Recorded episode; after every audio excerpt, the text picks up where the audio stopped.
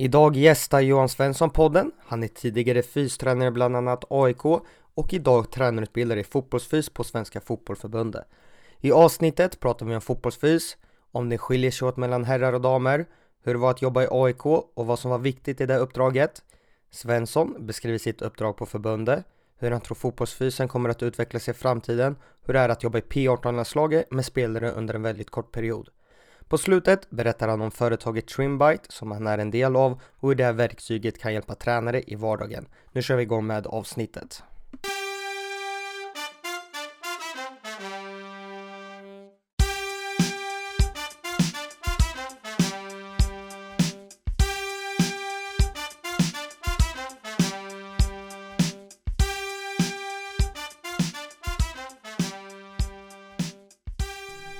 Hej och varmt välkommen Johan Svensson till Möt fotbollstränarna. Tack så mycket. Hur mår du idag? Eh, mycket bra tack. Det är fredag. Vad händer i helgen?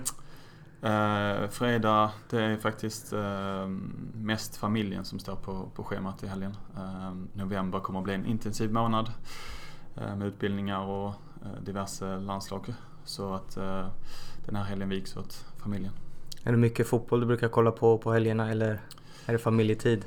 Nej, det, det, blir, eh, det blir det också, fotboll. Ehm, men eh, det blir såklart mindre eh, att titta på en match nu. Det tar ju kanske två timmar som tv-tiden tar kontra när man själv ja, var verksam. Då, då tog det kanske ja, allt ifrån nio timmar liksom, till förberedelser innan och under och efter och, och så vidare. Så man var borta en hel dag. Så det, det är lite skillnad. Vi spelar ju in det här avsnittet på Svenska Fotbollsförbundets kontor i Solna. Hur är det att vara i de här lokalerna? Är det väldigt nördigt att gå runt här och prata och träffa massa fotbollsmänniskor? Nej, det skulle jag inte säga. Inte nördigt eh, på det sättet utan det är eh, eh kollegialt eh, bra att det finns en närhet mellan eh, olika avdelningar som jobbar liksom, med matchanalys eller tränarutbildning eller landslagsverksamhet. Ehm, så, ehm, så det finns eh, en bra möjlighet att eh, snabbt få svar på frågor eller eh, ehm, stöta sina funderingar med bra kompetenta personer. Vilket ja, inte skiljer sig så himla mycket från en klubb utan där är det mer där sitter man ju exakt vid samma bord, klubb, och man har kanske ett gemensamt mål mer och jobbar mot nästa träning eller nästa match. Här eh, jobbar vi alla med lite olika grejer så, så eh, på så sätt skiljer det sig. Vi kör igång med faktarutan. Mm. Ålder? 38. Familj? Sambo, Sofie och sen har jag två eh, döttrar. Juli på två år och Vilma som är sju och en halv månad. Bor? I Solna. Bästa spelen du har tränat? Det är, det är svårt att säga ehm, men eh, om jag måste välja någon ehm, så, så blir det Henrik Goitom. Ehm, och det är egentligen både som spelare men också kanske vad han betydde för, för laget. Eh, där han fick ta över efter eh, Nils-Erik Johansson som kapten, som, som var en fantastisk kapten och ledare och fick avsluta sin karriär för förtid. Och att då som spelare och ledare eh, som Henok var, eller är, eh, axla det ansvaret eh, på, på det sättet eh, som han fortfarande gör. Eh, ja, det, det, får bli honom. Tror du Henok kommer bli en bra tränare? För han har väl pratat lite om att han, det är någonting han vill satsa på. Det tror jag absolut. Ehm, och eh, han ska faktiskt gå tränarutbildning om, om några veckor Eh, med eh, CBA Elit som det, det spåret heter för, för, för detta elitspelare. Så jag ser fram emot att träffa honom igen i, i den miljön eh, och tror att han har alla förutsättningar för att bli en väldigt bra tränare. Favoritlag? Moderklubben, eh, Tumlilla IF, som också då kallas någon form av Österlens änglar. Det är väl det är något som jag försöker återvända till då och då och, och ge tillbaka när jag kan. Um, och ja, det, väl, det måste bli dem. Eh, annars är man ju utvecklar alltid en passion för, för det uppdrag man har eller de uppdrag man har haft och de lag som man har varit eh, i. Så att eh, det är klart att de ligger också närmt, eller närmare hjärtat liksom. Förebild? Uh, ja, det är ju det är många inom, inom olika områden. Ehm, men eh, man får gå tillbaka där också och, och liksom vem har jag att tacka för vem jag är och vilka värderingar och så vidare. Och, och till syvende och sist så blir det mina föräldrar. Eh, som har gett mig någon form av grund till att stå på och eh, ja, hur jag ska vara som människa. Eh, och format mig i, i den miljön. Så, så de är väl mina största förebilder. Konstgräs eller naturgräs? Eh, naturgräs, men konstgräs har ju sina fördelar under vissa delar av året. Men absolut naturgräs. Kostym eller träningsoverall på match? Eh, träningsoverall definitivt, eller träningsklädd för det mesta. Eh, jag är nog lite som eh, Fantomen, eh, det vill säga att jag ibland tar på mig vanliga kläder. Eh, som jag just nu har idag, att jag har skjorta eller något sånt där. Det, det hör till ovanligheterna. Eh, det finns nog kanske mest foton på mig träningsklädd och så vidare. Så att det, jag trivs mycket bra träningsklädd. Vad gör du på matchdag? När du är tränare? Ja, då, eh, då handlar mycket om förberedelser inför eh, matchen. Ehm, det handlar om att liksom få koll på allt eh, material till, till liksom föraktivering i form av liksom formrolls och, och allting sånt där. Ehm, GPS-sensorer eh, och återhämtningsdrycker, eh, pool för, för, för liksom eh, ja, för kallbad om man nu ska göra det om man åker på en bortamatch och så här. Sen handlar det om att, att träna spelare som är, av någon anledning är utanför matchtrupp. Ehm, det kan vara eh, för att man helt enkelt inte har blivit uttagen eller att man är på väg tillbaka från en skada. Och det är viktigt att eh, de får eh, ja, träning så att de ligger ungefär i samma fas och att man också får en möjlighet att ge dem lite speciellt med tid ja, när, när övriga laget inte är, är liksom på plats och så vidare. Och det, så det är väl en del av dagen. Där sen så är det eh, utifrån kanske mitt senaste uppdrag ett, ett matchmöte där man går igenom matchen och tänkbara scenarios eh, som kommer hända under matchen. Och också utifrån de, den startelvan som är vald, vilka, eh, vilka står bakom dem i form av liksom ersättare. Och det blir viktigt för mig att veta för att kunna förbereda dem på bästa sätt Eh, så att eh, jag någonstans också har en gameplan när jag jobbar med avbytarna för att förbereda dem att liksom när det kommer en signal att de ska in eh, så är de så bra förberedda som möjligt och kan påverka eh, matchen och ja, bli avgörare istället för avbytare om man säger så. Eh, så att det är väl en det är väl så en matchdag ser ut. Jag försöker också klämma in lite egen träning. Men det kan ofta göras i samband med att man tränar någon spelare som är utanför för gruppen eh, eller matchtruppen. Eh, då, eh, då kan man delta själv och på det sättet ja, lead by example eller liksom practice what you preach. Favoritsyssla utanför fotboll? Um, det blir väl ja, mestadels familjen.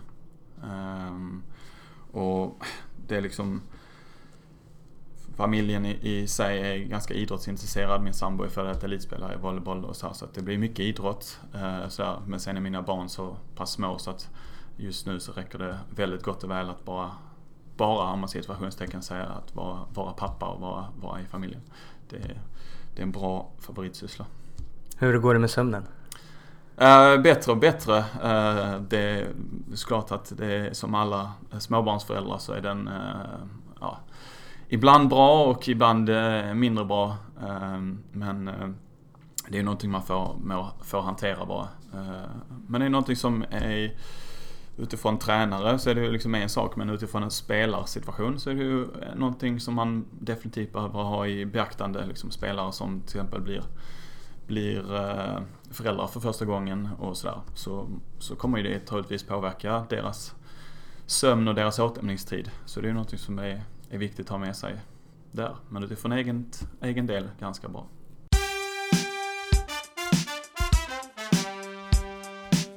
Hur såg din spelarkarriär ut?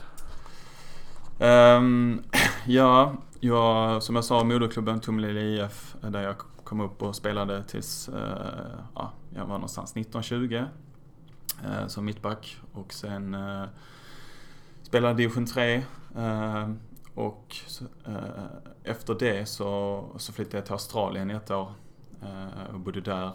Och eh, spelade också fotboll där på ja, någon form av lokal nivå.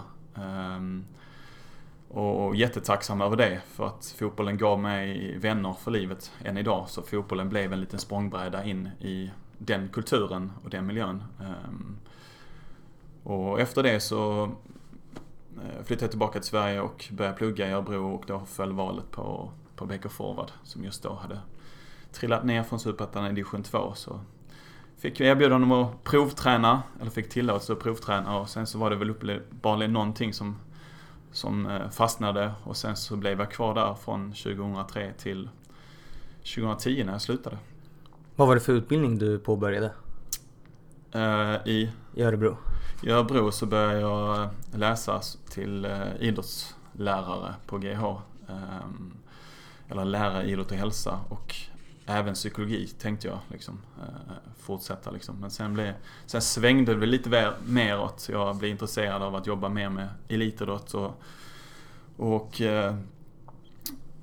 ja, vägen tog lite mer eh, än, än liksom mot träningslära och mot eh, ja, fysträningen i synnerhet. Liksom med fystränarutbildningen på, på Bosön och eh, även andra nationella liksom, utbildningar och internationella utbildningar som, som eh, ja, fystränarutbildningen i Dortmund eh, via Exos eh, hos Borussia och sen så även i Phoenix i USA liksom, som jag gick vidare och ja, kände att det här var, det här var ett spännande fält att förkovra mig inom eftersom jag som spelare eh, ja,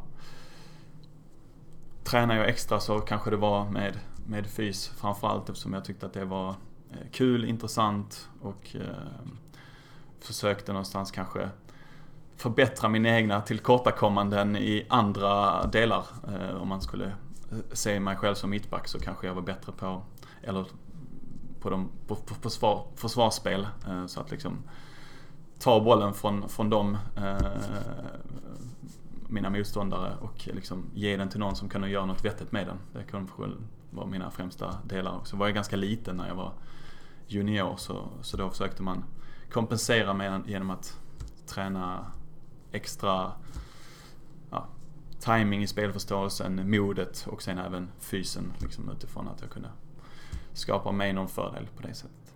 När kom tanken om att bli fystränare inom fotboll? Det föddes väl egentligen under eh, liksom, eh, ja, eh, spelarkarriären liksom, i, i slutskedet för att jag fick någonstans ta över efter den fystränaren som var då i BK Forward under mina sista år.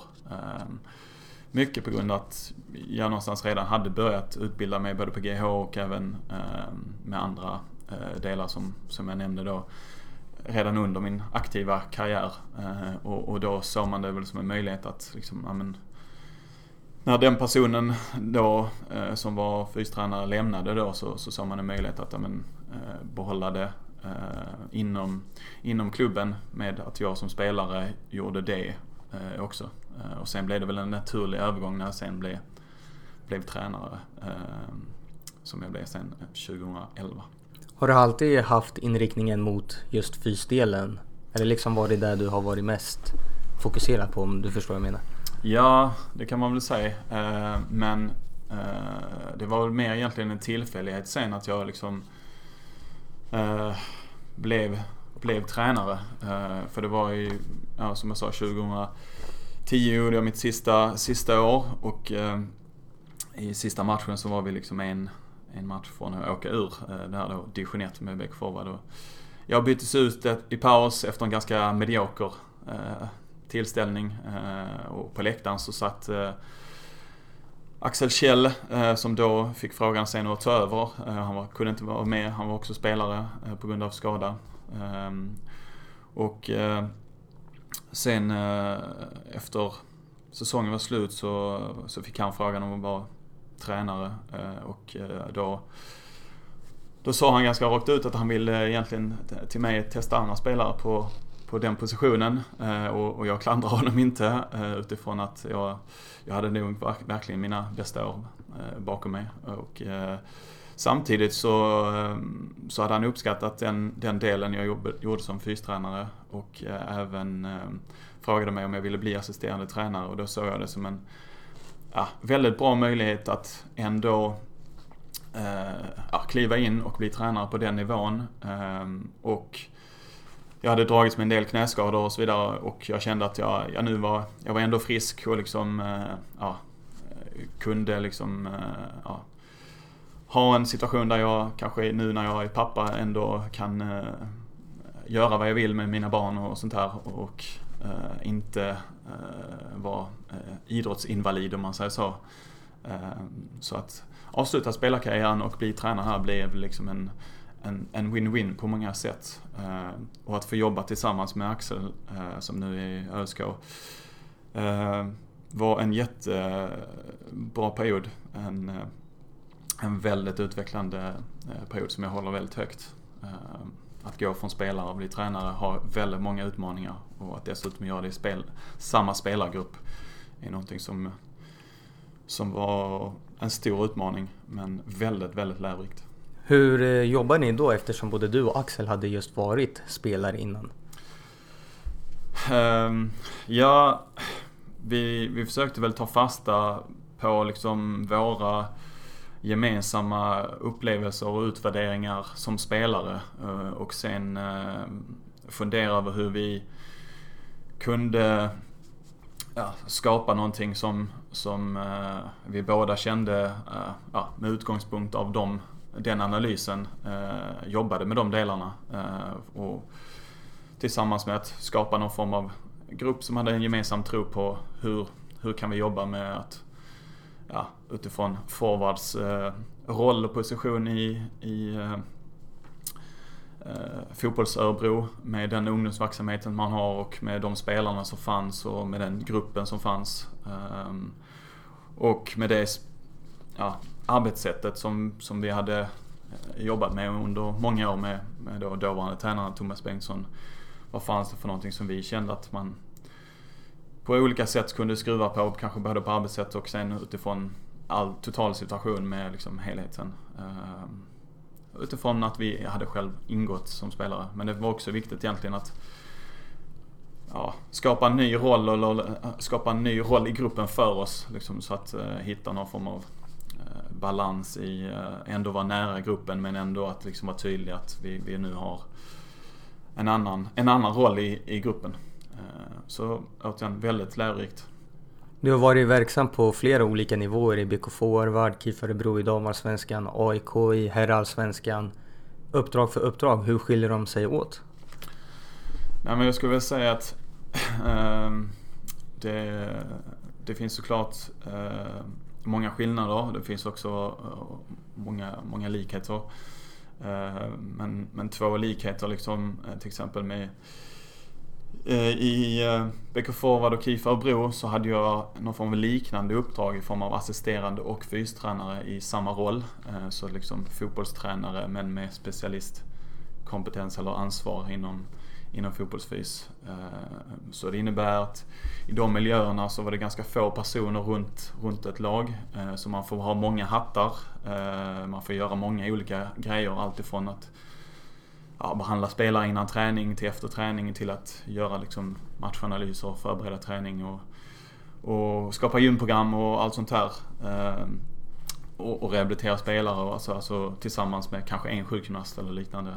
Ehm, så, så det utvecklade väl en förståelse för många olika funktioner som finns runt ett lag. Ehm, och det tror jag att jag har haft Eh, stor nytta av. Eh, kanske även i senare uppdrag, till exempel som i AIK där jag kanske inte behövde göra alla de här bitarna utan kunde specialisera mig lite mer.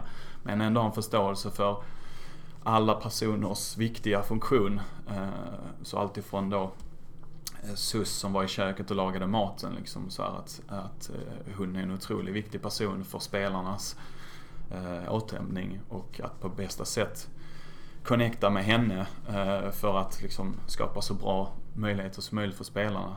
Eh, till samarbetet med medicinsk team, liksom, eh, till samarbete med tränarteam som då innehåller väldigt mycket fler personer i AIK än de andra eh, delarna. så måste jag vara skicklig på att samarbeta med alla dem eh, för att eh, göra ett så bra arbete som möjligt. Så det är väl så. Skillnaden i uppdragen mellan KIF Örebro och AIK som exempel, skiljer sig fysträningen någonting när man jobbar med herrar och damer? Uh, ja, både ja och nej. Jo, utifrån uh, träningens principer, eller liksom hur vi uh, liksom, tänker kring träningsplanering och sånt där. Så nej, men utifrån externa faktorer, utifrån till exempel menstruationscykler och ja, hormonella skillnader eh, och sånt där med testosteronnivåer och sånt där. Så, så ja, så det är viktigt att förstå den kontexten och liksom till exempel att tjejer också eh, har nästan dubbelt så hög risk för att drabbas av korsbandsskador och sånt där. Så det får ju konsekvenser för eh, hur jag sen applicerar de här principerna för träningen och så vidare i den, den miljön. Men jag skulle också säga att det fanns väldigt många eh, likheter av att jobba med eh, elitidrottare som då fanns, eller finns, i bägge de miljöerna. Där likheterna är, är väldigt slående med att få jobba med spelare med otroligt hög eh, inre motivation och drivkraft. Eh, och, och eh, en målmedvetenhet om att liksom jobba väldigt hårt mot att nå sina mål både som individ Eh, och som lag och att vara beredd att, eh, att pressa sig ganska hårt för att, för att nå detta. Så att, eh, man behöver vara medveten om skillnaderna men man behöver också vara medveten om, om, om att det är elitidrottare som jag jobbar med och där i så finns det väldigt många likheter. I AIK så jobbar du på absoluta högsta nationella nivå. Hur är det?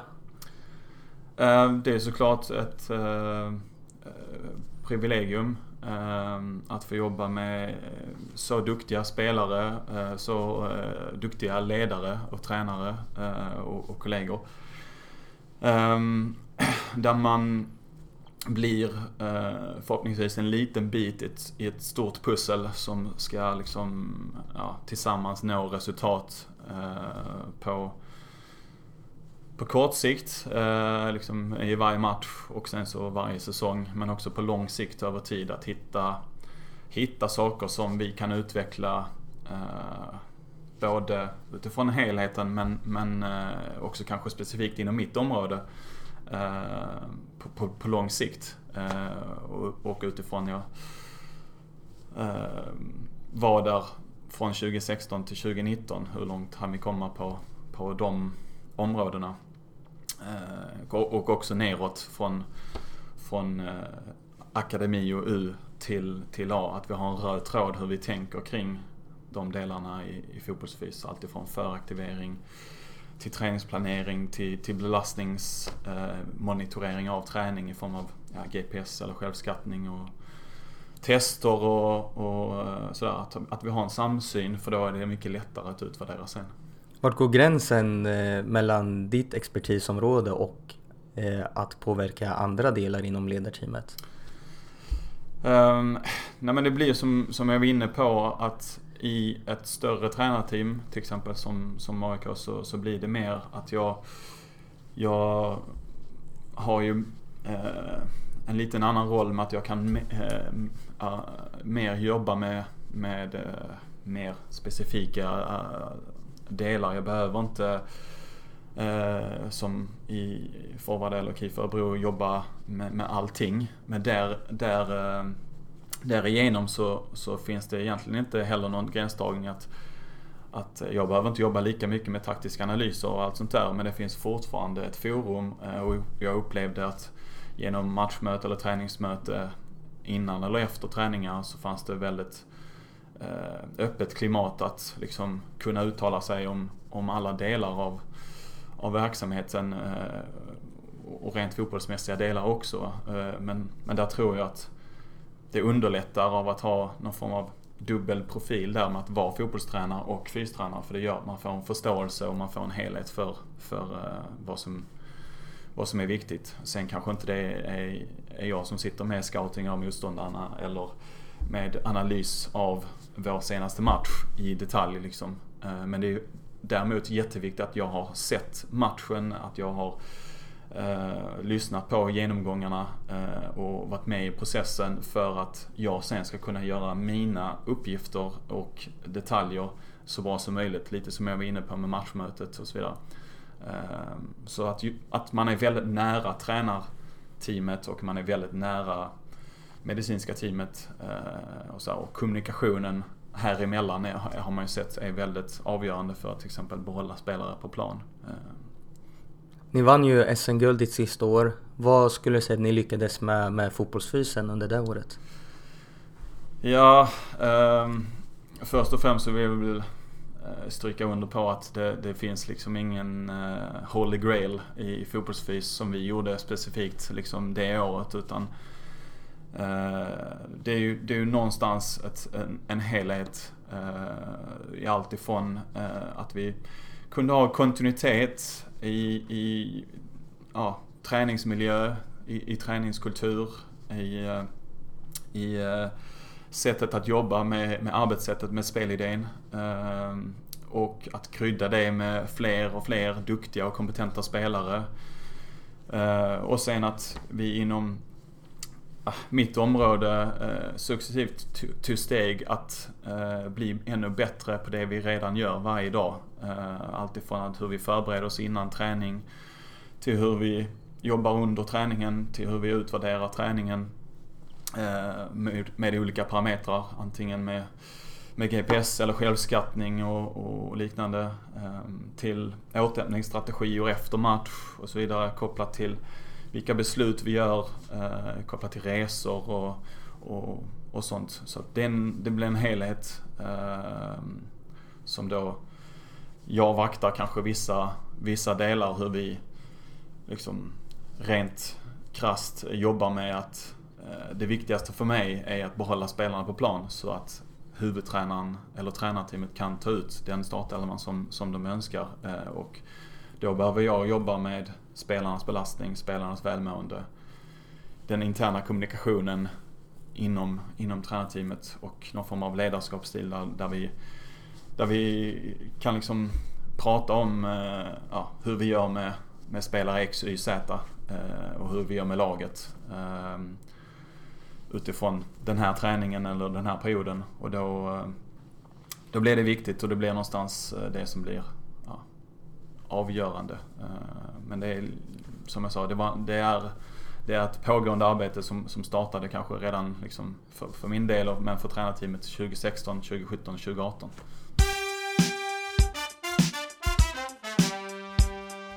Idag jobbar du som tränarutbildare i fotbollsfys på Svenska fotbollsförbundet. Hur är det jobbet?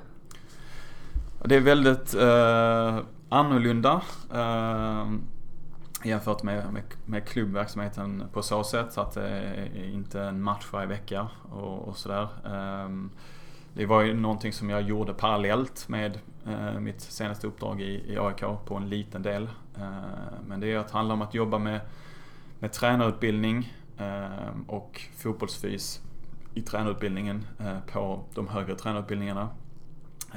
Och så handlar det om att revidera och ta fram nytt material med på befintliga tränarutbildningar.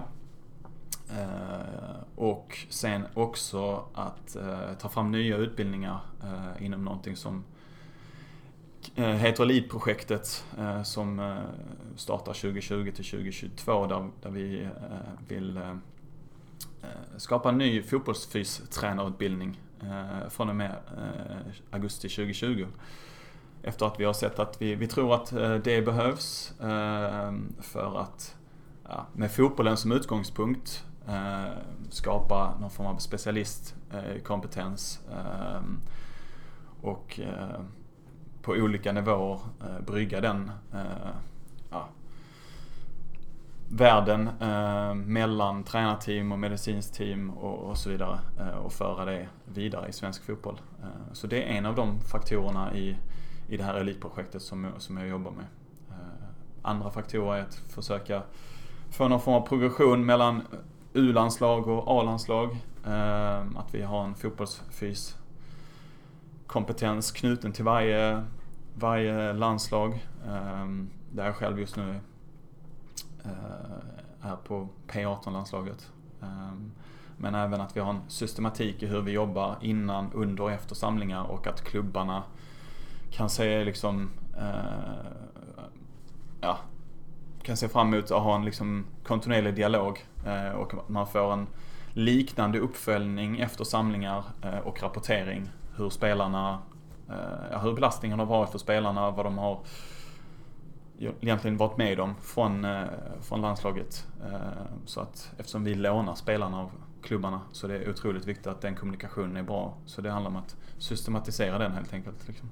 Så hur ser din roll ut under de här få dagarna när ni har kanske någon träning och två matcher? Hur ser det ut då? Hur jobbar du då? Eh, nej men då handlar det om, som jag sa innan, att eh, fundera eh, över eh, vad kommer spelarna ifrån? Så att ta reda på vad är spelarnas eh, liksom nuläge utifrån vad har de gjort de senaste liksom, 7 till 14 dagarna innan de kommer till en, eh, till en samling. Eh, och utifrån det då synka med, med tränarteamet vad, vad vi har kanske två dagar två dagars träning inför nästa match. Eh, om det då är en matchsamling. Eh, så det blir viktigt att synka vad eh, utifrån vad laget ska göra och hur, eh, hur skiljer sig det beroende på vad spelarna kommer in i bagaget med. Eh, så det blir viktigt att kartlägga det både i kommunikation med spelarnas klubbar och de ansvariga som är där. Eh, men också med spelarna själva eh, och få en uppfattning om hur har deras, eh, liksom, som jag sa, vecka eller för senaste två veckor sett ut. Ehm, sen under själva lägret att ingå i tränarteamet eh, och, och vara en naturlig del i, i träningsplanering, träningsgenomförande och utvärdering av träningen. Utifrån olika parametrar. Ehm, där jag jobbar kanske mer utifrån mitt område och eh, ja, är delaktig ändå i, i, som jag sa innan, liknande klubbrollen inom, inom andras områden också. Eh, men eh, sen så efter samlingar och, och läger så handlar det om att kommunicera med, med spelarna men också framförallt klubbarna eh, genom att skicka rapporter snabbt med eh, både eh, ja, extern data i form av till exempel GPS-data, eh, vad de har Eh, utfört eh, och eh, även mer intern data där de eh, själva har skattat sin belastning, eh, hur länge vi har tränat, eh, vad blir då träningsbelastningen och sen någon form av wellness, liksom hur har de sovit, ätit och sådär, hur de skattar sig själva där. Så att det blir någon form av rapport. Och sen så också kanske en helhetsrapport över hur, hur har själva träningssamlingen sett ut eller liksom landslagssamlingen sett ut så att klubbarna kan vara så informerade som möjligt och sen ta vid och, och göra ja, i sin tur eh, likadan planering som, som sen då eh, beroende på hur mycket spelarna har spelat när de har varit iväg på landslag och, och liknande. Så, så, det blir en väldigt viktig del och det blir en viktig del att inte bara jag gör det utan att varje funktion som finns på de olika landslagen gör ja, så lika som möjligt om man säger så, eh, enligt samma arbetssätt. För då, då blir vi inte beroende av att person X, att det är inte avhängigt av att jag är där eller, eller någon annan är där. Eh, vi, vi, har samma, vi har liknande arbetssätt. Och det, så det är väl en, en nyckel tror jag. Om vi kollar in i framtiden, hur tror du fotbollsfysen kommer att utvecklas? Um, ja, om vi ser på hur spelet har utvecklats Eh, så så är det fortfarande så att eh, det blir fler och fler eh, explosiva aktioner och att spelarna ska kunna återhämta sig från de explosiva aktionerna. Eh, det blir också fler och fler matchmiljöer. Spelarna tving, tvingas inom situationstecken att spela fler och fler matcher. Ehm, inom eh, ja, en snävare tidsram vilket ställer större krav på, på liksom, eh, spelarnas förmåga att återhämta sig men också eh, kanske en förmåga att ja, rotera spelare till exempel. Eh, så på, på yttersta elitnivå. Eh, men för att liksom summera det så, så, ser man att spelet går snabbare och snabbare eh, med, med utvecklingen av, av alla delar av spelet. Eh, och då eh, då tror jag att ja, spelare på olika nivåer behöver eh, hantera detta. Om det sen är sex dagar mellan match eller det är tre dagar mellan match hela tiden så, så behöver spelarna ja, anpassa sig så gott det går. för antingen 30 matcher eller 60 matcher. och, och det, det kommer krävas lite olika förberedelser. Idag så pratar man ju väldigt mycket om att försöka integrera allt i spelträning. Mm. Hur tror du det ser ut i framtiden? Om du pratar om att sprintsen, det blir mer sprint och snabbare. Kommer man kunna få tillräcklig kvalitet på det då om man gör allt i spelform? Hur går balansen däremellan? Nej, eh, jag tror att det, det, det är nog en, en, en liten eh, missuppfattning. Eh, det finns såklart stora fördelar med att jobba med de delarna i, i, i spelform. Det är också någonting vi förordar i, i, eh, i svensk fotboll och eh, från SVFs sida. Ehm, men för att du då helt enkelt får med många delar av fotbollsaktionen, att du behöver ta beslut och du behöver också jobba med, med ja, värdering och liksom eh, ja, någon form av eh, fundering över vad, vad ska jag göra i den här situationen kopplat med att jag fortfarande eh, samtidigt utvecklar min, min fys. Eh, men det kan också vara så att jag kanske måste göra vissa färdighetsövningar eh, för att jag på ett eller annat sätt inte har eh, nått upp till den nivån som, som eh, ja, krävs för att förbereda mig för vad matchen kräver i sina ja, värsta stunder om man säger så. Worst case scenarios liksom där, där de mest intensiva fem minuterna av eh, matchen eh, är på en sådan nivå som är kanske mycket högre än vad jag kommer åt med, med eh, en viss eh, spelövning. Ehm, där jag kanske först kanske förändrar spelövningen för att nå det närmare men sen kanske också behöver eh, nå andra Eh, sätt med olika färdighetsövningar på plan eller eh, utanför plan om det nu handlar om fotbollsstyrka till exempel. Eh, eller fotbollsrörlighet. Liksom. Eh, så jag tror att det kommer att vara en kombination men också att man blir skickligare och skickligare på att ta reda på eller utvärdera vad som faktiskt sker under själva fotbollsträningen och sen ställa det i relation till vad matchens krav är och se liksom hur mycket av matchen har vi faktiskt gjort idag utifrån de här olika parametrarna. Eh, till exempel med eh, explosiva aktioner eller löpning i hög hastighet. Eh, och, och behöver vi addera någonting för att skapa ett, ett form av skydd för spelarna att när de kommer sen till matchen så går de inte sönder. Så, så jag tror att ju mer och mer man, man kommer ta reda på genom olika teknologiska verktyg utifrån vad som händer på matchen och vad som händer på träningen. Eh, och sen då brygga dessa, eller samsynka dessa. Eh, så att eh, det finns såklart stora fördelar med att göra det i spelform, som man säger. Men man ska kanske inte bara begränsa sig till att vissa grejer kanske man behöver också enskilda färdighetsövningar till.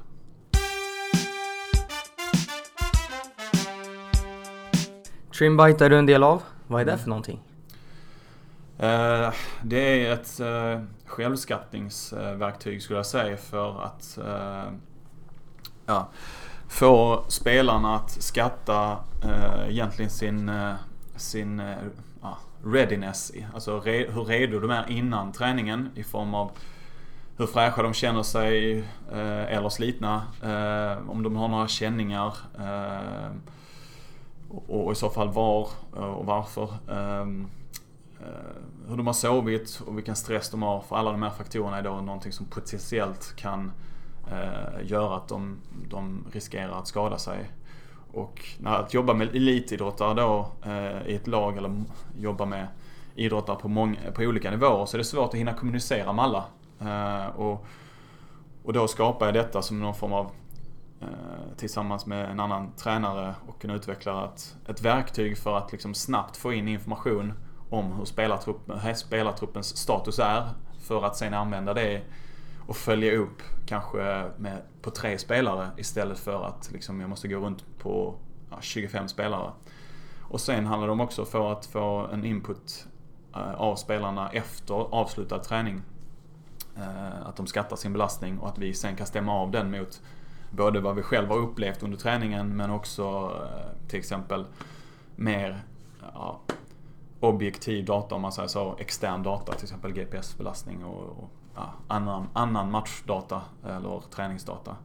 Eh, så det blir en applikation egentligen som vi utvecklade och eh, fortsätter att utveckla egentligen. Eh, så istället för att hålla på med en massa papper och Excel-filer hit och dit så, så kände jag och min kollega där då som ja, tror jag det var 2015 då att liksom, ja, shit alltså jag, jag drunknar i Excel-papper och eh, filer. Ehm, så det måste finnas något smidigare sätt. Eh, men det måste också finnas något sätt där jag snabbt kan få en överblick.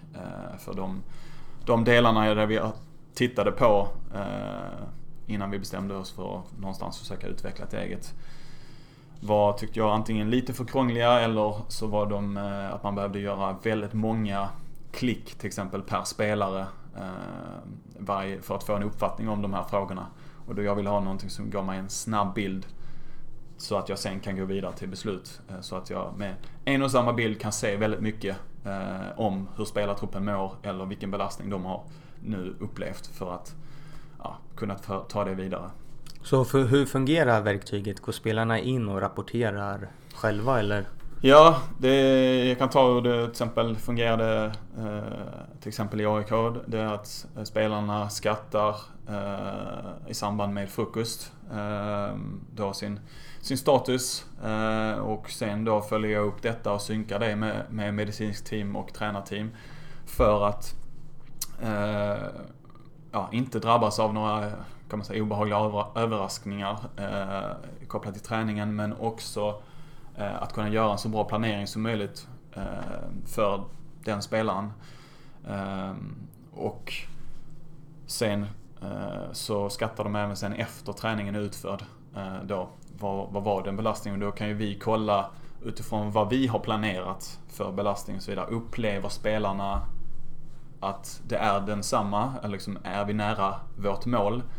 Eh, eller skiljer det sig? Och beroende på att kanske spelarna spelar på olika positioner så kommer övningar och träningsinnehåll kräva lite olika av spelarna. Eh, vilket är naturligt. Eh, och då upplever kanske också spelarna lite olika belastning. Och det kan ju vara planerat men det kan också vara eh, någonting som, som inte är optimalt om det vi till exempel pratar om att det är högbelastande fasen mitt i veckan där vi vill verkligen kanske belasta spelarna. Eh, men lyckas vi då kanske inte på vissa positioner då, eh, då blir det en, någonting som vi behöver fundera över om hur vi kan ja, överbrygga. Vad är spelarnas reflektioner från att fylla i sådana här formulär? Alltså får de mer självinsikt i sin egna träning? Det är ju blandat, eh, ska jag säga. Att, eh, det är klart att, att jobba med sådana här delar, det, det är såklart en, en, en, utmaning i form av att spelarna behöver ja, följa det här. Eh, och det fungerar olika bra i olika miljöer. Eh, och liksom komma ihåg att rapportera innan och komma ihåg att rapportera efter.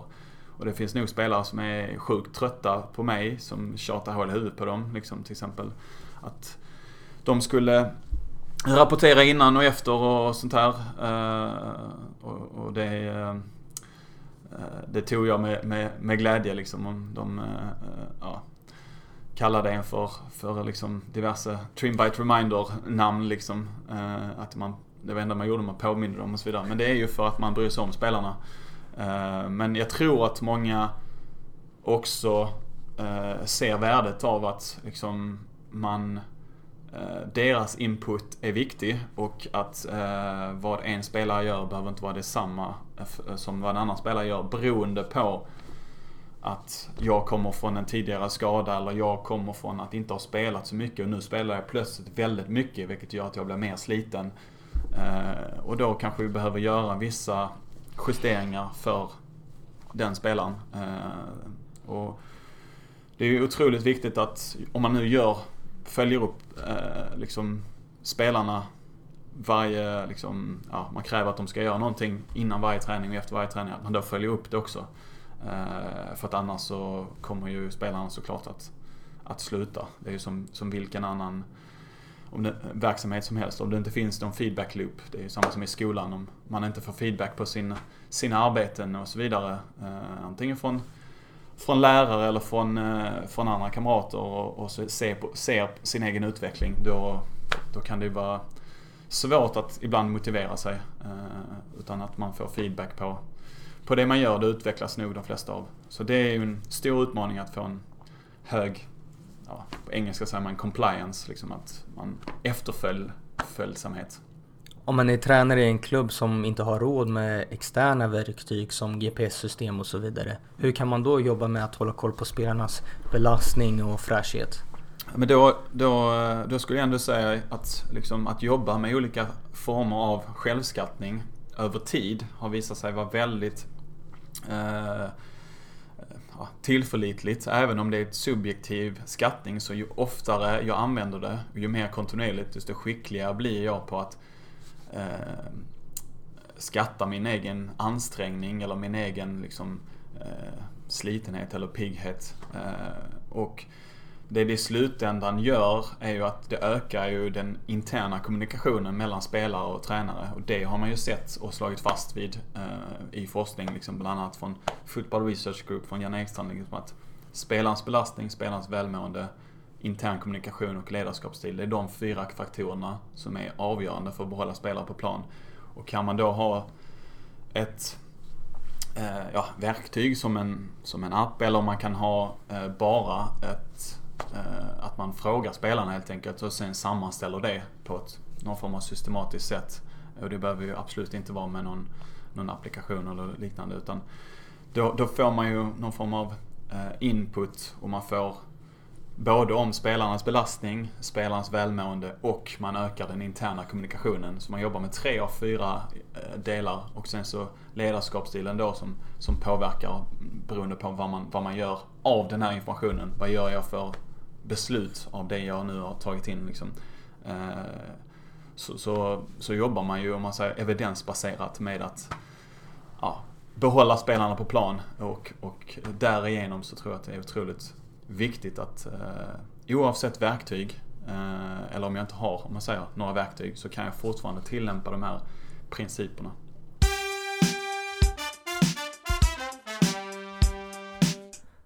På grund av lite tekniska problem försvann vår avslutning på samtalet. Men eh, misströsta inte, ni får höra mer av Johan Svensson redan nästa vecka då vi spelar in ett specialavsnitt om eftersäsong. Vi hörs då!